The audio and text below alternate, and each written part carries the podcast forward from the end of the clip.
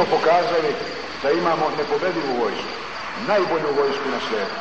I nikada u dosadašnjoj istoriji, kao u ovom ratu, nismo imali manji broj kukavica koje su pobegle iz zemlje da tamo na sigurnom sačekaju kraj rata.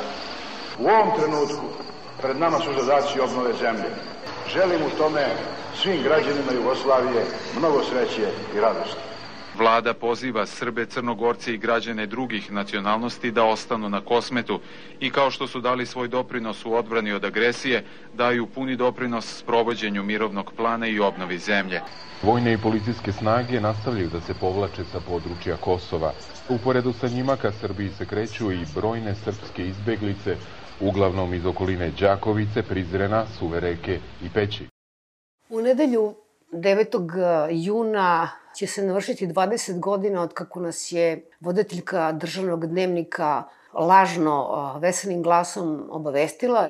Poštovani gledalci, završena je NATO agresija na Jugoslaviju, pobedila je miroljubiva politika Slobodana Miloševića. Pred ponoć 9. juna dva generala, jedan vojski, jedan policije, zajedno sa predstavnikom NATO su potpisali kapitulaciju ili ako je to nekome lakše vojno-tehnički sporazum u Kumanovu. Mi ćemo ovu godišnicu na neki način obeležiti razgovorom o onome što su bile naše teme, teme peščanika, to su ratni zločini koji su počinjeni na Kosovu, pre svega od strane srpskih snaga, naravno. I uh, Milović će nam pomoći da vidimo da li je ta kapitulacija, odnosno taj poraz uh, od 9. juna 99. godine bio kraj jedne politike, praktično stogodišnje, pogrešne politike, često rasističke i zločinačke čak a, a, Srbije, pa i Jugoslavije, one međuratne prema kosovskim Albancima. Nije niti neki novum u istoriji, niti je neki presedan. Srbija je dobila Kosovo, pod navodnicima, ratom i voljom velikih sila. Dakle, ne samo 912. godine ratnom pobedom, nego pre svega 913. godine i londonskim mirovnim ugovorom. Dakle, Srbija je došla na Kosovo ratom i voljom velikih sila i tačno tako je otišla na Kosovo, sa Kosova, dakle ratom i voljom velikih sila, počinivši pritom i u prvom i u drugom slučaju zločine nad civilima. Mi sad, dakle, ovde ne govorimo o suprotnoj, dakle, politici albanskoj i tako dalje, ali ta istorija srpsko-albanskih odnosa, pre svega govorimo o antagonizmu između uh, Srba i Albanaca, počinje već sredinom i u drugoj polovini 19. veka. Mlada srpska država u 19. veku pre svega svoju ekspanziju usmeravala ka zapadu, ka Bosni i Hercegovini. Uh, međutim, na Berlinskom mirovnom kongresu 1878. godine Srbija mora da se odrekne te ekspanzije ka zapadu zbog toga što je izgubivši podršku e, Rusije, koja tada podržava Bugarsku, da sad ne komplikujemo previše, e, Srbija morala da zatraži podršku e, Beča, odnosno Austro-Ugarske. Austro-Ugarska je, kao što znamo, imala interese u Bosni i Hercegovini, ona je tada i okupirala, dobila pravo da okupira BiH, i Srbija mora da se obaveže da će svoju ekspanziju da usmeri ka jugu, dakle ka Kosovu.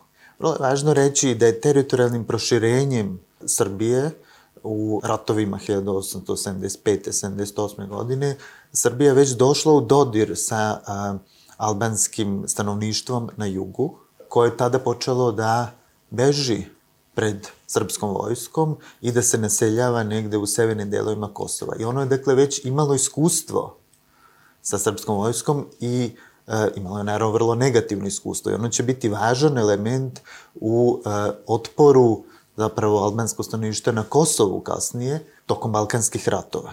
Ključni događaj u srpsko-albanskim odnosima su svakako Balkanski ratovi, dakle 1912. i 1913. godine, I tu ne moramo da idemo dalje od dva dokumenta, to je onaj čuveni izveštaj Carnegieve fondacije koji govori zaista o strašnim zločinima koje su izvršena na civilima i drugo je knjiga Dimitrija Tucovića Srbija i Albanija gde Tucović vrlo uverljivo, vrlo dramatično i vrlo potresno zapravo svedoči o masovnom ubistvu civila koje je počinjeno u toku Balkanskih ratova. Naravno da je osnov toga kažem, napravljen ranije, još u 19. veku, u druge poline 19. veka i sad da se ne vraćamo na Vladana Đorđevića, na priču o repatim Albancima i tako dalje, koja mene vrlo podsjeća na ovu današnju priču o ljudima iz šume. Samo da podsjetimo da je on bio predsednik vlade, da nije Tako je, ne bilo ko, tim. tako je, predsednik vlade, bio je lekar, bio osnivač Srpskog lekarskog društva i tako dalje, dakle, bio prosto vrlo važna ličnost, ne samo za državu, nego i za društvo. A, dakle, već su ti balkanski ratovi negde postavili osnovu za vrlo rđave odnose. Procena je opet nažalost, u historiografiji, posebno kada u pitanju Balkanski rat i Prvi svetski rat, žrtve nisu prebrojane, da je oko 20.000 civila tada ubijeno. Dakle, na taj način se prosto dolazi na Kosovo. Kosovo je odmah postalo, kako bismo rekli, leno uh, vojne elite i koja je tražila da ono bude pod nekom specijalnom upravom.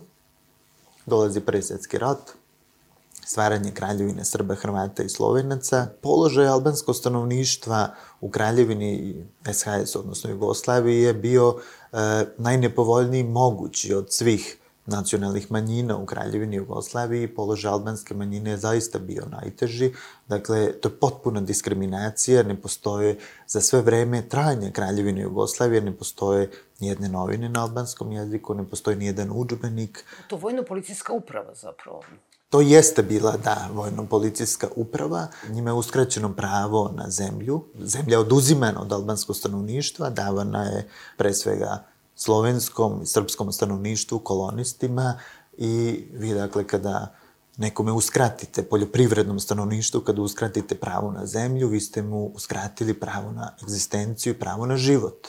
I to je, dakle, rađeno ciljano, Naravno, iseljavanje su vrlo podsticana ta 20. godina od strane države, ne samo albanskog, nego i turskog, uopšte muslimanskog stanovništva. Nekoliko desetina hiljada e, ljudi je iseljeno tada, e, pre svega u Tursku i nešto manje u Albaniju. Međutim, važan segment e, takvog antialbanskog ne samo raspoloženja, nego atmosfere i konteksta koji je pravljen, je zapravo činila intelektualna elita. Dakle, oni su bili nezadovoljni efektima toga, posebno zbog toga što mnogi kolonisti koji su tamo dolazili nisu živeli, nisu obrađivali zemlju, tako da 30. godina je bilo jasno da su ti efekti takve politike krahirali u nacionalno-demografskom smislu i tada se javljaju u Srpskom kulturnom klubu koji je bio ključna ideološki nacionalistička organizacija u srpskom korpusu u Kraljevini Jugoslaviji javljaju se uh, ideje i planovi koji bi trebalo da proizvedu neki rezultat. Tako se javlja i onaj, ono tajno predavanje uh, Vase Čubrilovića, dakle taj memorandum. I vi kad vidite kad pročitate to predavanje u Srpskom kulturnom klubu, a to su zaista vodeći srpski intelektualci, govorimo onima koji su bili nacionalistički orijentisani, oni su većina, dakle, toga vremena, vi vidite da su to metodi koji su u stvari primenjivani e, i u ratu 98. odnosno 99. godine. Dakle, oni detaljno tamo govore e, kako paliti imovinu, kako vršiti, kako se govorilo, šikane, e, iseljavati stanovništvo, dakle, praviti jednu nesnosnu i nemoguću atmosferu da bi se to civilno stanovništvo prosto iseljavalo, da bi bilo naterano da se da se iseli. Vi zapravo uh, vidite da je srpska država tokom tog nešto manje od jednog veka koliko je posjedovala Kosovo, namerno kažem posjedovala, dakle kao neku vrstu vlasništva i tapije na tom teritorijom, vidite da nikada nije bilo dobre volje da se postigne makar neki pokušaj postizanja modusa vivendi sa tim većinskim elementom. Povodom godišnjice bombardovanja Odjednom se licitira brojkama. Sad je Vučić rekao poginulo 2500 civila i 1000 vojnika. Te brojke se menjaju ko, kako u kojoj izgovori. Podaci do kojih smo mi došli na osnovu precizne evidencije i a, metodologije jeste da je tokom NATO bombardovanja a, stradalo nešto više od 750 a, ljudi. Dakle, nisu a, hiljade a, u pitanju, to je 750 ljudi. Ja se onda pitam da li je moguće da je ovoj državi 750 ljudi malo. A, mi u Fondu za humanitarno pravo radeći i sa mladima tokom naših škola tranzicijone pravde, mi smo zapazili da zapravo mladi u regionu ne znaju a, da je na Kosovu bio sukob i tokom 98. godine mi smo uspeli da dokumentujemo da je tokom 98. godine ubijeno preko 2000 ljudi na Kosovu. Dakle, nije sukob trajao samo od 24. marta do 9. juna 99. godine. Civili su ubijani i znatno ranije i taj 24. mart je možda bila samo prekretnica kada je započeto to masovno kršenje ljudskih prava Albanaca. I presude Haškog tribunala su utvrdili da je zapravo cilj tog udruženog zločinačkog poduhvata u kojem su učestvovali politička elita, ali i vojna i policijska, bilo promena te etničke strukture na Kosovu, koja je zapravo činjena putem zločina. Zločini su uključivali ubistva, silovanja, proterivanja, oduzimanje dokumenta, skidanje registarskih tablica, paljenje kuća, ubijanje stoke, dakle sve sa ciljem da se kosovski Albanci više nikada ne vrate na Kosovo i u svoje kuće. Ono što je veoma upadljivo a to je da od teo malo procesa koji postoje, da je praktično zanemarljiv broj procesa pred domaćim sudovima za ubistvo kosovskih albanaca. Da, upravo tako. U oružanim sukobima 98. 99. godine stradalo je prema podacima do koje je došao fonda koji nisu konačni, Smrtno je stradalo oko 8000 albanskih civila za čije stradanje su odgovorne srpske oružane formacije. Bilo vojska, policija, bilo paravojne formacije. Paravojne formacije su bile pod komandom regularnih jedinica. Tako je. Da ne bude zabune, da. Ovaj, jako je teško bilo doći do podataka koliko je toga bilo iz prostog razloga što je samo u četiri predmeta to kvalifikovano kao ratni zločin. Sve drugo bilo kvalifikovano kao ubistvo, tako da je bilo teško ući u trag. Tek od 2003. godine, kada se formira i tužilaštvo za ratne zločine i kada suđenje za ratne zločine prelazi isključivo u nadležnost posebnog odeljenja pri Višem sudu u Beogradu, može se precizno pratiti šta se radi. Od e, osnivanja tužilaštva za ratne zločine do danas mi imamo eto samo 10 predmeta koji su vezani za zločine izvršene na Kosovu i imamo podatak da se radi o samo 321 žrtvi smrtno stradaloj koja je procesuirana. Od tih 10 predmeta mi imamo sedam pravosnažno okončanih, 54 optužene osobe, a bilans nam je takav da imamo samo 10 pravosnažno osuđenih, a tim presudama obuhvaćene su samo 62 smrtno stradale žrtve. Ovi postupci traju, nažalost, dugo. Svedoci smo da imamo, recimo, paradigmu za mene predstavlja suđenje u predmetu Ćuška. To je postupak koji je počeo 2010. godine. Tada je podignuta prva optužnica protiv devet optuženih. Kako se radilo, vidi se iz toga što je kako je vreme prolazilo, tužilaštvo stalno podizalo nove optužnice, menjalo, preciziralo, proširivalo. Naravno, trebalo je jako mnogo truda punomoćnicima oštećenih da kroz ispitivanja svedoka koji su se pojavljivali i žrtava dođu do toga da dokažu tužilaštvu pre svega da zločin nije izvršen samo u selu Ćuška nego da je to bila jedna sinhronizovana akcija malo širih razmera, a ne samo pojedinačni incident koji se desio u Ćuški. Uvek je tu bilo sadejstvo vojske i policije, Prvo se kretalo sa artiljerijskim dejstvima po selima, onda su ulazili pripadnici vojske, šta se radilo? Isterivano je stanovništvo iz kuća, pljačkani su, oduzimani su im novac, dragocenosti, Odvajane su žene i deca od muškaraca, muškarci su mahom ubijani, od svih njih su oduzimana lična dokumenta, naređivano im je da sedaju na traktore i da napuštaju teritoriju Kosova naravno uz ostavljanje svih ličnih dokumenta. Ukupna cifra optuženih je bila 17. 17. Međutim, tokom postupka koji traje od 2010. doneta je bila prvostepena presuda Tada ih je bilo 11. Devet je bilo oglašeno krivim, dvoje oslobođenih i dobili su kazne zatvora u rasponu od 2 do 20 godina. Međutim, ukinuta i vraćena na ponovni postupak. Evo, sada smo u drugoj polovini ponovnog postupka gde imamo 10 optuženih. Umeđu vremenu imamo dvoje koji su preminuli. Imamo jednog optuženog koji je zaključio sporazum o svedočenju sa tužilaštvom u zamenu za potpuno oslobođenje od krivičnog gonjenja, što je i učinjeno. Imamo jednu situaciju sa optuženim koji više nije procesno sposoban, pa je u odnosu na njega optužnica odbačena i u odnosu na jednog je postupak u prekidu jer je nedostupan državnim organima zato što su se svi branili sa slobode.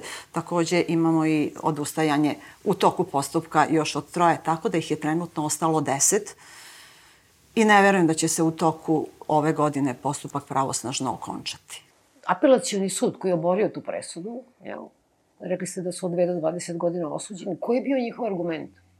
Pa znate, apelacioni sud ima stav koji nije samo u ovom predmetu Ćuška, nego u još drugim predmetima gde su masovni zločini izvršeni shvatanje sa izvršilaštva. Da se traži, da se dokaže svakom pojedinačnom počiniocu koje konkretno radnje on preduzeo i kakav je njegov psihički odnos bio prema delu.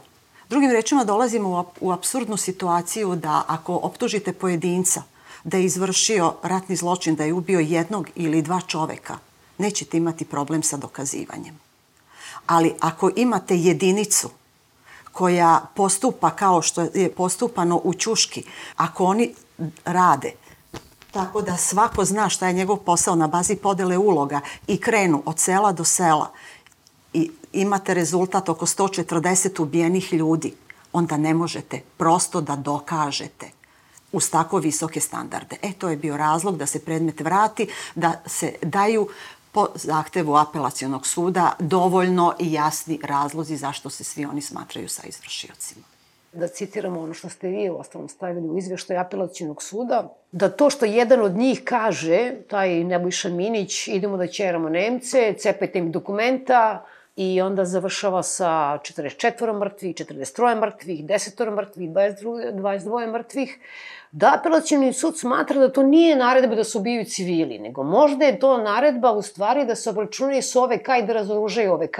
Znači, vi imate opet ceo sistem ili državu, počeo od ove žene koju treba da proglase nestalom, ovaj Zagorki Dolovac, pošto se ne meša u svoj posao, koja 17 meseci ne imenuje tužica za ratne zločine kao što je udruženi zločinački poduhvat se desio, kao što su skrivali tela i država je to organizovala, sada imamo praktično celu državu i njene institucije koje se udružuju, svesno ili nesvesno, da obstruiraju ratne zločine za, za takvo ubistvo. Izvinite, da. prenosili da. tela iz primarnih u sekundarne da, grobnice, je, iz seljakali ih po... Jeste, Batajnicama i Petrovom da. selu. Da, Ivana. A, da, nije uh, samo... Uh, jedan državni organ uključen u to da nema procesuiranja za ratne zločine.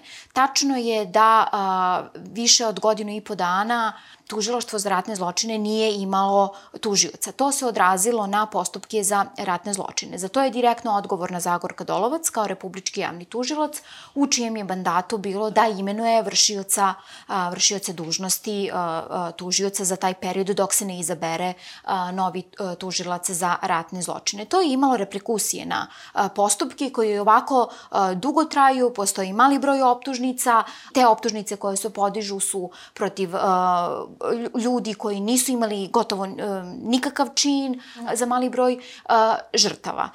Dakle, to je, to je taj deo koji se odnosi na tužiloštvo. S druge strane, imate sud koji je podigao standarde u dokazivanju, ovo što je moja koleginica prethodno rekla, da se dokaže sa izvršiloštvo. Sada, 20 godina nakon sukoba, se stavlja taj nesrazmeran teret da se dokaže šta je svako od njih u svakom trenutku radio, što je gotovo nemoguće da se dokaže. Opet e, e, ta treća strana jesu i drugi državni organi koji na neki način obstruiraju suđenja za ratne zločine. Ja bih spomenula e, drugi predmet za zločine na Kosovu, to je predmet Trnje. I tu je možda ta obstrukcija najbolje ilustrovana. Ja sam ovde izvukla neke podatke da dokom 2017. i 2018. ukupno je bilo zakazano 16 glavnih pretresa, znači 16 sudećih dana, a održano je samo 8 dana. To, izvinite, to je onaj predmet gde je ubijeno 12 žena i četvoro dece između ostalog, je li tako? A, jeste, tu, je, tu su ubijene žene, uh, tu su ubijene žene i, uh, žene i deca i uh, Bekim Gaši, uh, njemu su stradale majka i sestre, koji je dolazio na svaki glavni pretres i onda se, uh, dakle, u polovini tih zakazanih glavnih pretresa desi da on čovek dođe do Beograda, da uđe u sudnicu i da sud kaže ovaj današnji glavni pretres se ne održava zato što je jedan od optuženih hospitalizovan. Na jednom glavnom pretresu, pošto su dvojica optuženih, pozli jednom optuženom, na, po pravilu dan ili dva pre glavnog pretresa, pa onda naprasno ozdravi dan posle glavnog pretresa. Pa onda na sledeći glavni pretres se to dogodi sa drugim optuženim.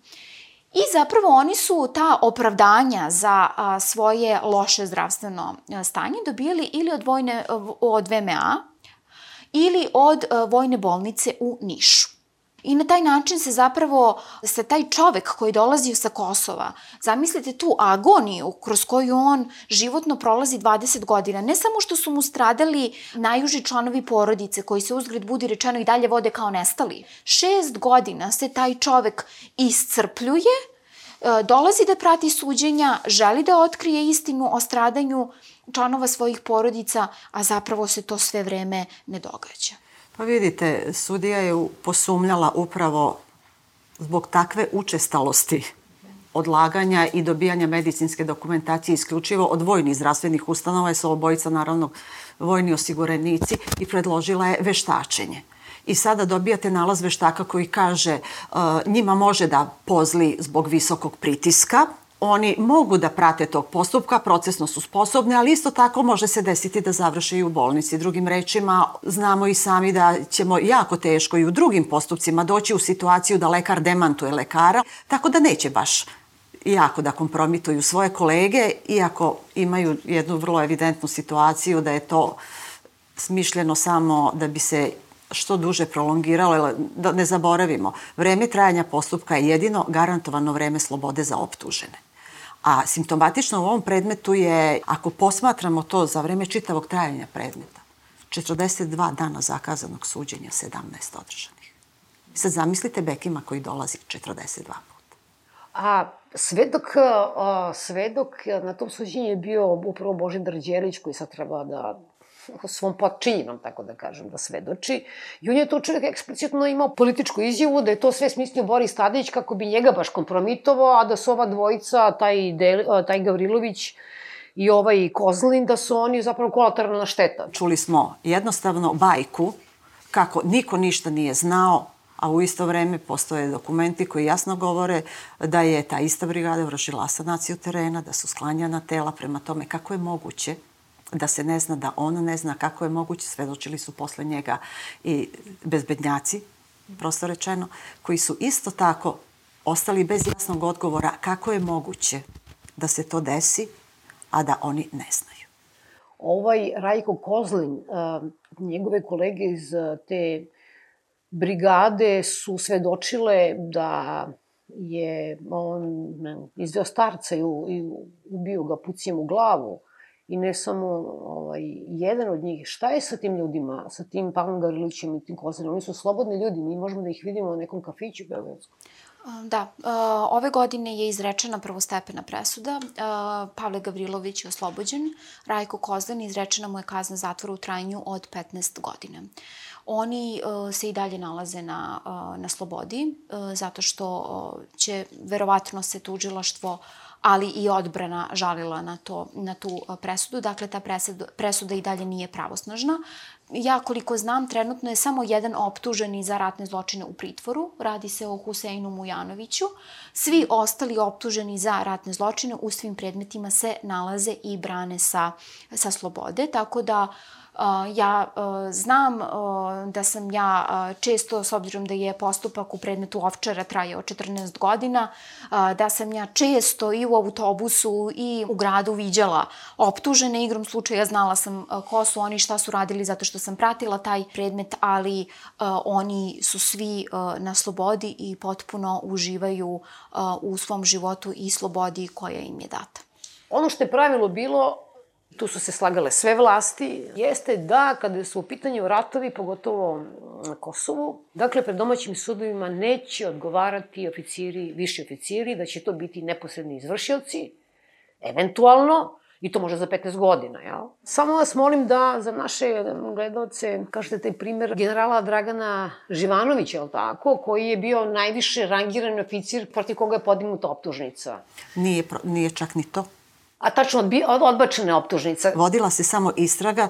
U trenutku kada je ta istraga krenula, stvarno je postojala jedna nada da će Srbija konačno početi da procesuira visoko rangirane pripadnike vojske ili policije. Međutim, došlo se do toga da je tužilaštvo došlo do zaključka da jednostavno nema dovoljno dokaza sa obrazloženjem da je ispitan veliki broj pripadnika jedinice, da niko od njih ništa nije čuo o zločinu. A govorimo o kom zločinu? Dragan Živanović je tokom sukoba na Kosovu bio komandant 125. motorizovane a, brigade. A, u toku je bio ovaj a, postupak za zločine počinjene u selima a, Ćuška, Zahać, a, Pavljene i Ljubenić. To su sela u opštini Peć. 2014. godine tužiloštvo je, a, je otvorilo istragu protiv Dragana Živanovića za zločine počinjene u tim selima zato što se a, na suđenju a, u u predmetu Ćuška govorilo o tome da je on kao nadređeni toj jedinici znao za te za te zločine. Međutim, iako je to tužilaštvo za ratne zločine vrlo pompezno najavilo i na svom, na svom sajtu, to je bilo 2014. vrlo brzo je ta istraga obustavljena. Tako da jedini visoko rangirani protiv kojeg je uopšte otvorena istraga je bio, je bio Dragan, Dragan Živanović. Mi smo podnosili krivične prijave i protiv Božidara Delića, između ostalog i za zločin koji je počinjen u selu Trnje, za koje se vodi postupak, i protiv Ljubiše Dikovića, bivšeg načelnika generalštaba, za više zločina koji su počinjeni u njegovoj zoni odgovornosti. Međutim, dalje od predistražnog postupka mi nikada nismo nismo uh, odmakli. I po svemu sudeći kako trenutno uh, radi tužilaštvo za ratne zločine, u najskorije vreme nećemo ni imati optužnice protiv visoko rangiranih uh, oficira vojske ili policije. Bojim se da ih uopšte nećemo imati. Naime, u vreme izvršenja svih tih zločina, to su bili ljudi koji su tada imali već vrlo zrele godine mi dolazimo u situaciju, ako ih procesuiraju, da će vrlo brzo ti postupci završiti sa odbacivanjem optužnica zato što će postati procesno nesposobni. Ne mogu nikako da se batalim ovoga generala Dragana Živanovića ne zbog toga što je pod njegovom komandom ili njegova jedinica šta je tamo radila ili je ovaj ili nije radila, ali uh, vraća se ponovo na sud, odnosno na tužiloštvo za ratne zločine koje je odbilo, jel, rekla da nema tu šta da radi, a to obrazloženje je ili cinično, ili to je blasfemično objašnjenje gde oni kažu da nema dokaza da je general prisustvovao zločinima i da je bio nekoliko kilometara udaljen od mesta zločina. Pa Hitler nikad nije bio u Auschwitzu, mislim. Nije, mnogi nacistički generali nikad nisu bili u Dachau. Upravo to i zato uh, svedoci sa Kosova i se jako teško odlučuju da dođu da svedoče pred, uh, pred srpskim sudom. Tačno je da je obrazloženje to da uh, general Dragan Živanović nije prisustvovao uh, zločinima ili da ne postoji pisana naredba da je on naredio neki, neki zločin.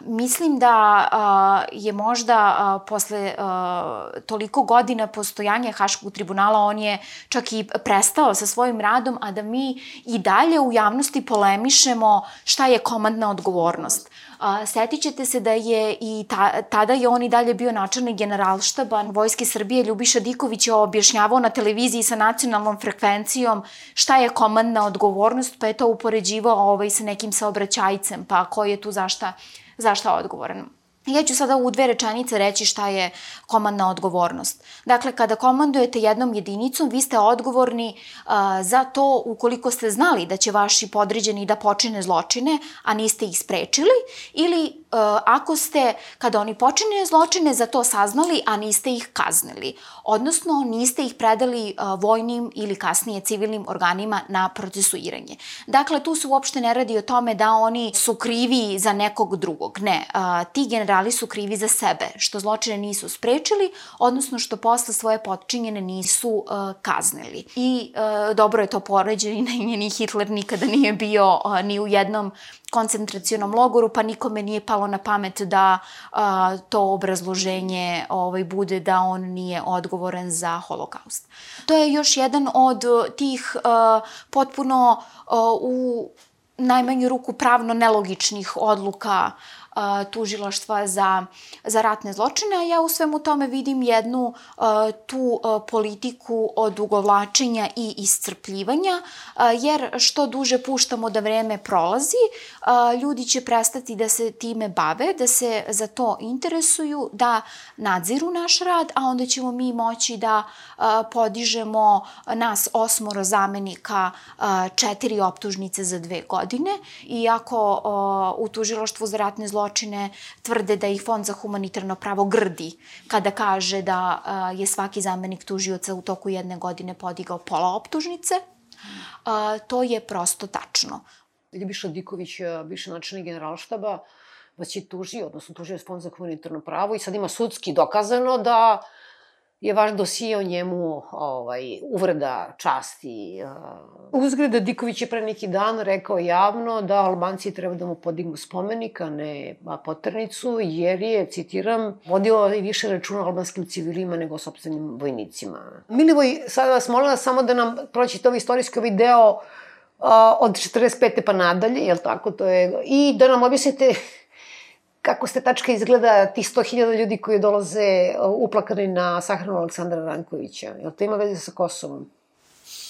Da, ovo je vrlo dobro pitanje, jer sam planirao da ovaj, negde na kraju poentiram sa, sa tim. E, dakle, ono što smo rekli, to je Kraljevina Jugoslavija, je to jasan rasistički odnos, odnos, danas bismo rekli potpunog apartheida prema albanskom stanovništvu, to je uskraćivanje prava na zemlju, to je jednako uskraćivanje prava na egzistenciju, e, što opet izaziva naravno njihove pobune i vi onda povećavate stepen represije da biste gušili pobunu i to je zapravo jedan zatvoreni krug.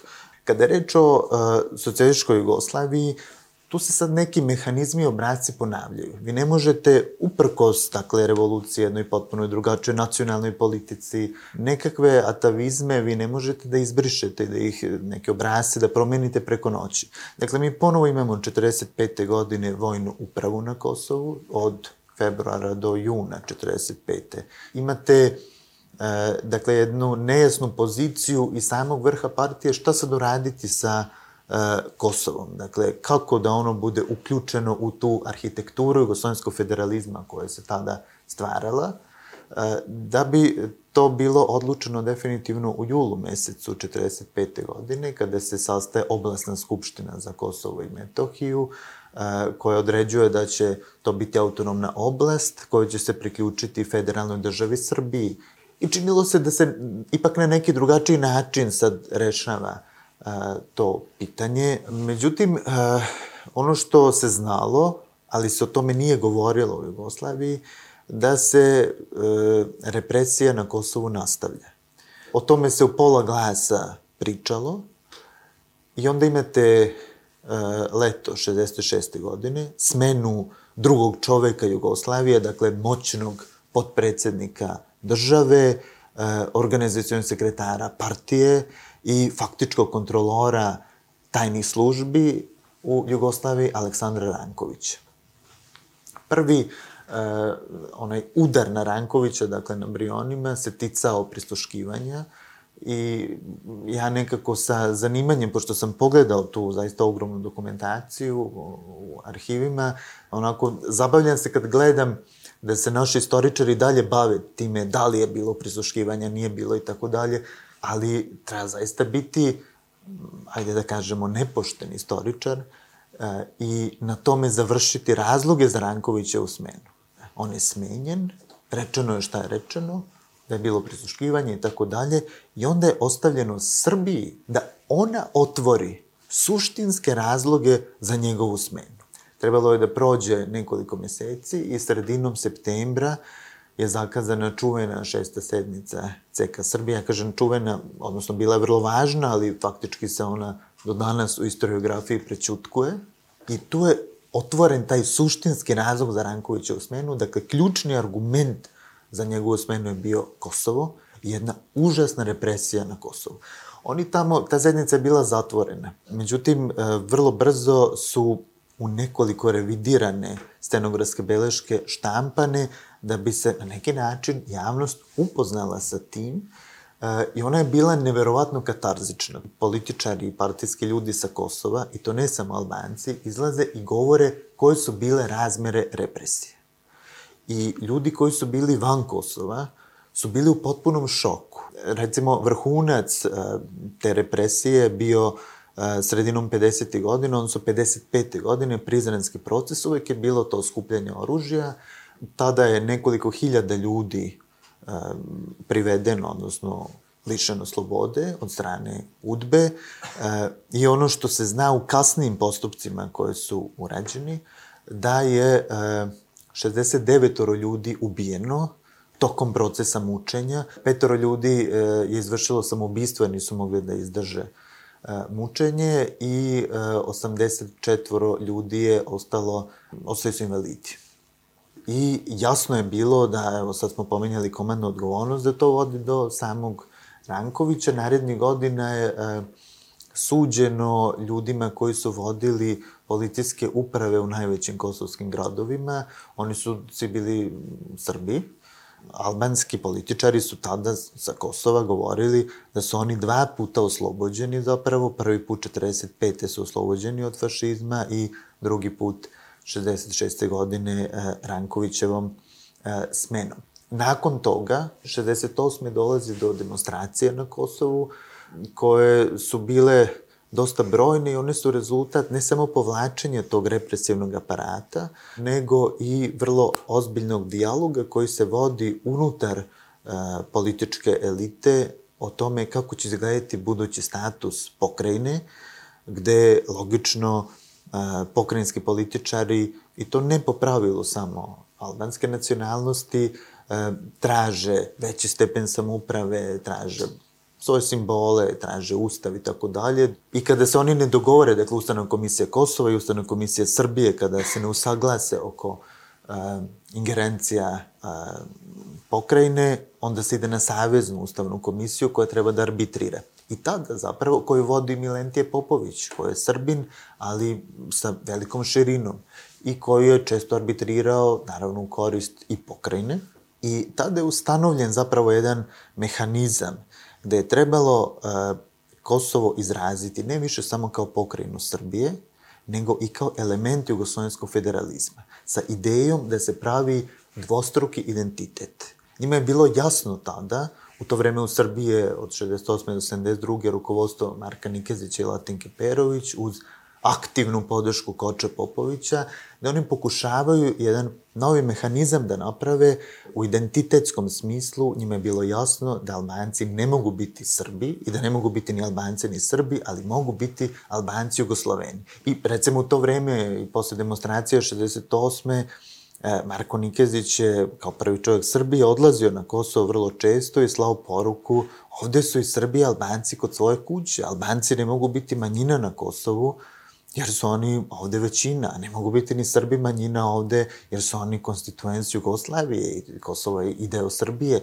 I dakle, ovde niko nije manjina i većina, ovde su i jedni i drugi kod svoje kuće. Nažalost, ta politika je poražena. Već, dakle, posle Titove smrti, 81. godine izbio demonstracije na Kosovu e, i država ih na drugačiji način tretira nego one 68. godine. sad ih tretira kao kontrarevoluciju, označava ih tako što znači da se one moraju ugušiti najsurovijim represivnim mehanizmima, tada i vojska i policija izlaze na kosovske ulice, dakle dolaze te vanredne snage i e, one što je zanimljivo i to se uglavnom ne zna, kao i za ovu represiju 50. godina, e, te policijske snage i, i vojne vanredne nikad nisu povučene.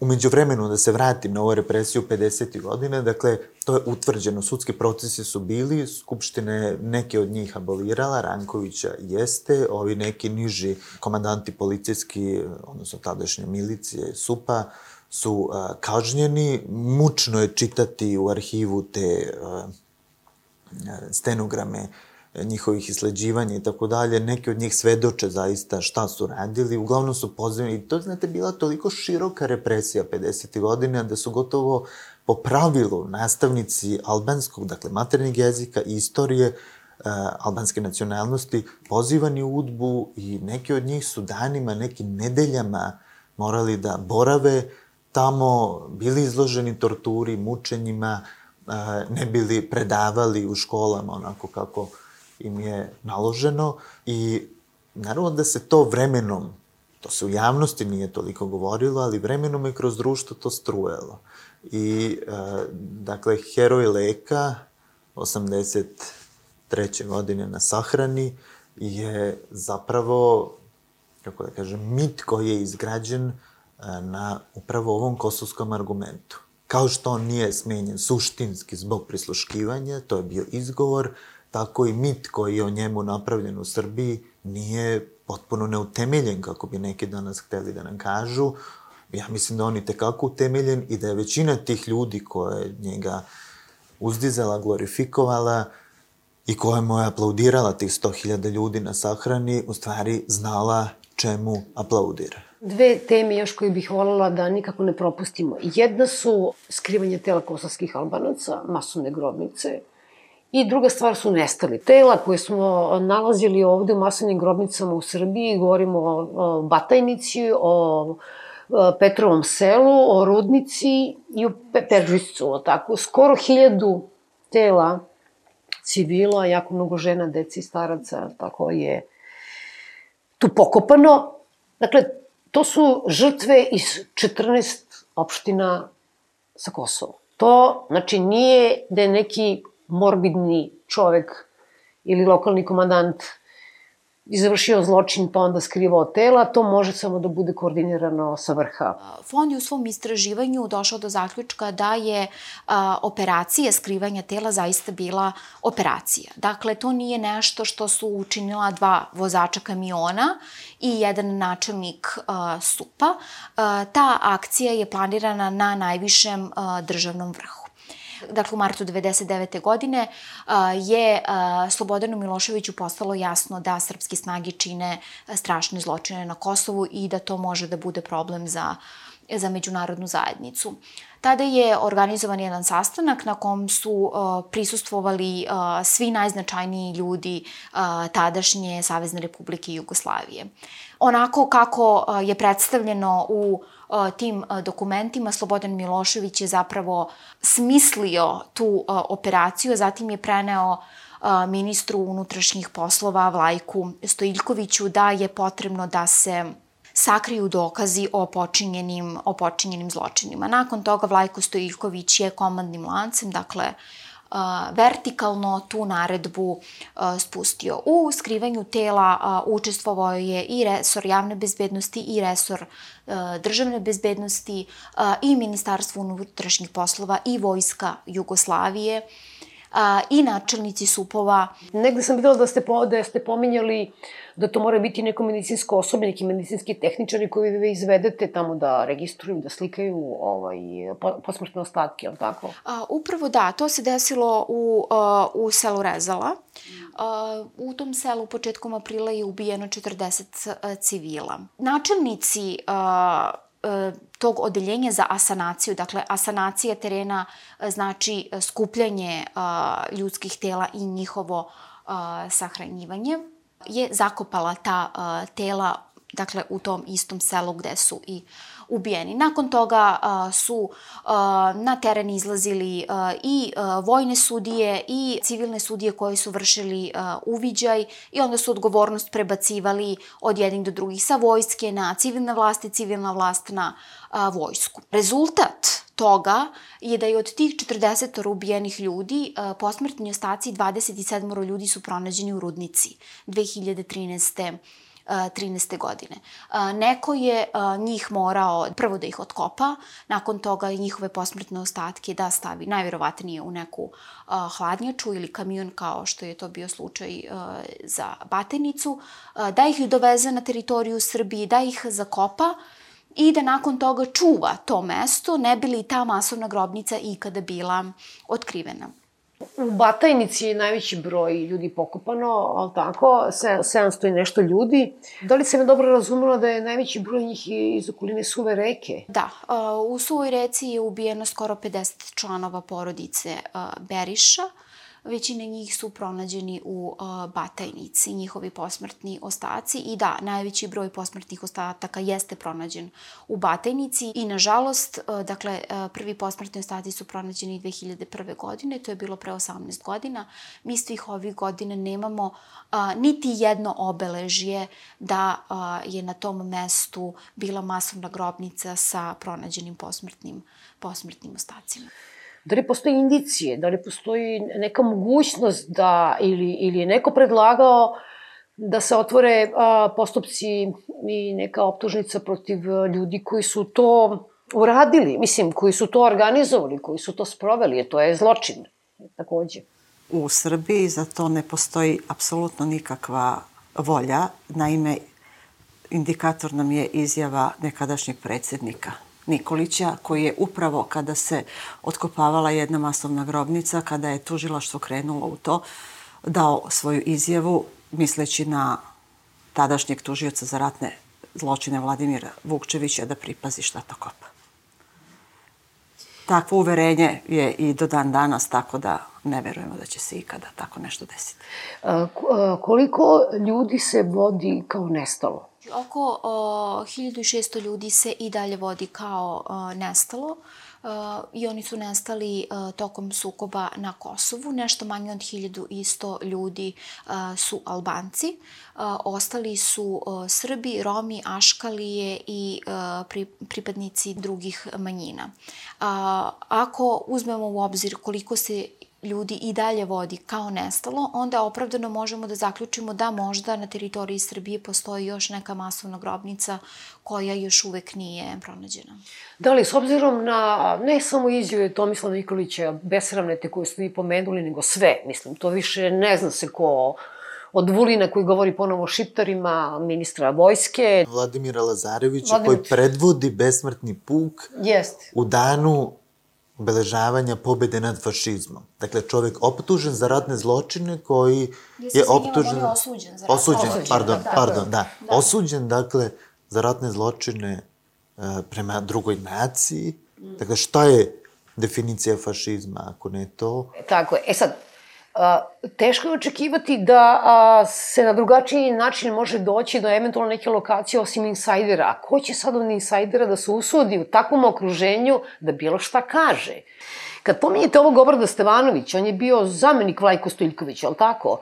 Znači, koliko sam ja videla, njemu je u, u Hagu predočena dnevnik u kome, u kome je 98, 90 godine, u kome on kaže predsednik, pa dve tačke, nema leša, nema zločina. zločina. Ja bi se isto osvrnula na to, uh, prošle godine je Ljubiša Diković otišao u penziju. Uh, međutim, on nije otišao u penziju uh, kao što većina radnih ljudi odlazi u penziju. On je u penziju otišao sa odlikovanjem. Šta je tim gestom ova država nama u stvari pokušala da kaže. Pokušala je da nam kaže da će njega ova država i ovo društvo pamtiti kao heroja jer protiv njega nema ni istrage, ni optužnice, niti bilo kakvog uh, postupka. On će u Srbiji verovatno zaovek ostati upamćen kao neko, kao što je sam rekao pre neki dan za jedne dnevne novine, da on treba u stvari da bude upamćen kao heroj i da njemu albanski civili treba da podignu spomenik. E pa, Fond za humanitarno pravo je dokumentovao da je u njegovoj zoni odgovornosti, dakle u zoni odgovornosti jedinice kojom je on komandovao ubijeno 1400 ljudi ti spomenici civila. tih ljudi, civila, da, a, ti spomenici zapravo govore o njegovom herojstvu. Ja se bojim da će on, kao i ljudi koji su uh, učestvovali u zločinima u Hrvatskoj i u Bosni, što je bilo uh, znatno pre uh, Kosova, da su umrli, a da nisu niti procesuirani, niti osuđeni i da su oni, kao i Slobodan Milošević, da će umreti kao nevini ljudi. Moj kolega Miloš Vasić je jednog časa u očaju, kada smo razgovarali o ratnim zločinima, rekao počinjem da verujem da postoji Sveti Petar i da postoji poslednji informativni razgovor. Pošto ne možemo da se uzdamo više u suđenja, jer Haški sud više ne, ne radi u stvari, domaći sudovi smo videli kako je, onda je ostao, ostao taj Sveti Petar, jer pošto je to nije baš tako izvesno, ja sam trebala sad na kraju da vas pitam Šta je vama najteže palo kao pravnici kada se tako to skupi na gomili, pa obstrukcije? Za mene je najupečetljiviji republički javni tužilac gospođa Dolovac da suđenja za ratne zločine obstruiše prvi tužilac države. To je strašno, to je nedopustivo na način na koji radi. Radi na način da direktno krši zakon. Zakonom je jasno rečeno, ako tužiocu prestane funkcija, kao što je prethodnom tužiocu prestala, da po zakonu republički javni tužilac postavlja vršioca funkcije dok se novi ne izabere. Ona to ne čini samo kada je u pitanju tužilac za ratne zločine, a u isto vreme je postavila vršioce funkcija za niz malih osnovnih tužilaštava. Drugim rečima, prvom tužiocu države Srbije je važno da postoji tužilac u nekom malom Sopotu, da se, ili tako, malom mestu, da se ne daj Bože neka šumska krađa ne bi provukla nekažnjena, ali zato ratni zločini mogu da čekaju. Meni je najteže to što mm, slušam argumente da ratni zločini ne zastarevaju i da to nema nikakve veze što imamo ovoliko mali broj predmeta za ratne zločine i ovako mali broj osuđenih. I da, tačno je, mi pravnici znamo da ratni zločini i genocid ne zastarevaju. Međutim, ljudski vek je ograničen. Uh, ukoliko neko za sebe ne tvrdi da je besmrtan, pa može da mu se studi, sudi, a da on ima nekoliko stotina godina. Za mene je poražavajuće da je veliki broj članova porodice žrtava preminuo, a, da su svedoci preminuli, a da nisu dočekali pravdu. Isto tako veliki broj optuženih za ratne zločine su preminuli kao neosuđena lica zato što je ova država propustila da ih na vreme procesuira ili ako ih je procesuirala, učinila je sve da taj postupak traje toliko dugo da oni na kraju umru. Za mene je najveći poraz to što ljudi kojima su ubijena deca su umrli, a da nisu dočekali to da oni koji su odgovorni za ubistva njihove dece budu procesuirani ili možda čak i uh, gori slučaj je to kada se radi o nestalim osobama, da su članovi porodice umrli, a da nisu saznali gde se nalaze posmrtni ostaci njihovih članova porodice. Građani bi morali imati više svesti o tome da ako na ovom pitanju, a to su ipak najteža pitanja, ratni zločini, zločini prema čovečnosti civilima, dakle, masovno ubistvo civila. Dakle, ako tu ne postoji nekakva elementarna zakonitost, kako ćete sutra, ako vas prebije komšija ili vas kolega na poslu, šta god, dakle, ako vas sutra muž ubije, stalno čitamo te vesti o ubistvima žena, dakle, kako očekujete elementarnu pravnu sigurnost za sebe? Mislim da tu nema svesti kod građana. Ja sam imao nekakvu krhku nadu da je moguće u Bosni da se tako nešto desi, kada smo videli ovu strahotu sa ubistvom Davida Dragičevića i čitava ta priča Pravde za Davida i tako dalje. Čekajte, toliko je dece ubijeno da bi se formirao taj entitet Da ne pominjemo Sarajevo, to je urađeno, tamo su bilansi urađeni, zapravo mi znamo broj žrtava u Bosni i tako dalje, to je nešto preko 97.000. Dakle, zašto ste očekivali, sad kad nemam više nesrpske dece u tom entitetu, da se neće doći do vaše dece? To su ti isti ljudi, to isti sistem, oni su danas bogati, moćni, imaju taj sav opljačkani novac. Zašto ste mislili da će vaša deca biti zaštićena? I mislim da je Tamo u Banja Luci mi smo gledali desetine hiljada ljudi na ulicama, dok užasnom represijom to nije, dakle, ugušeno i zaustavljeno, da je do nekih ljudi to došlo. Ali je bilo potrebno da se vide zaista razmere e, strahote koje je taj momak doživeo pre nego što je ubijen, dakle mučenje, ubistvo, skrivanje svega toga, gde je čitav sistem zapravo policijski, državni, pravosuđe učestvovalo u svemu tome i ja mislim da su se tamo mnogi ljudi, ne da mislim, nego mnogi znam da su se u jednom trenutku zapitali čekaj, moje dete je verovatno sledeće. Mislim da se ovde još uvek u Srbiji, evo na ovim primerima, građani ne pitaju da će zapravo i oni koji su, kako ste s pravom rekli, građani prvog reda, sutra doći na red. You.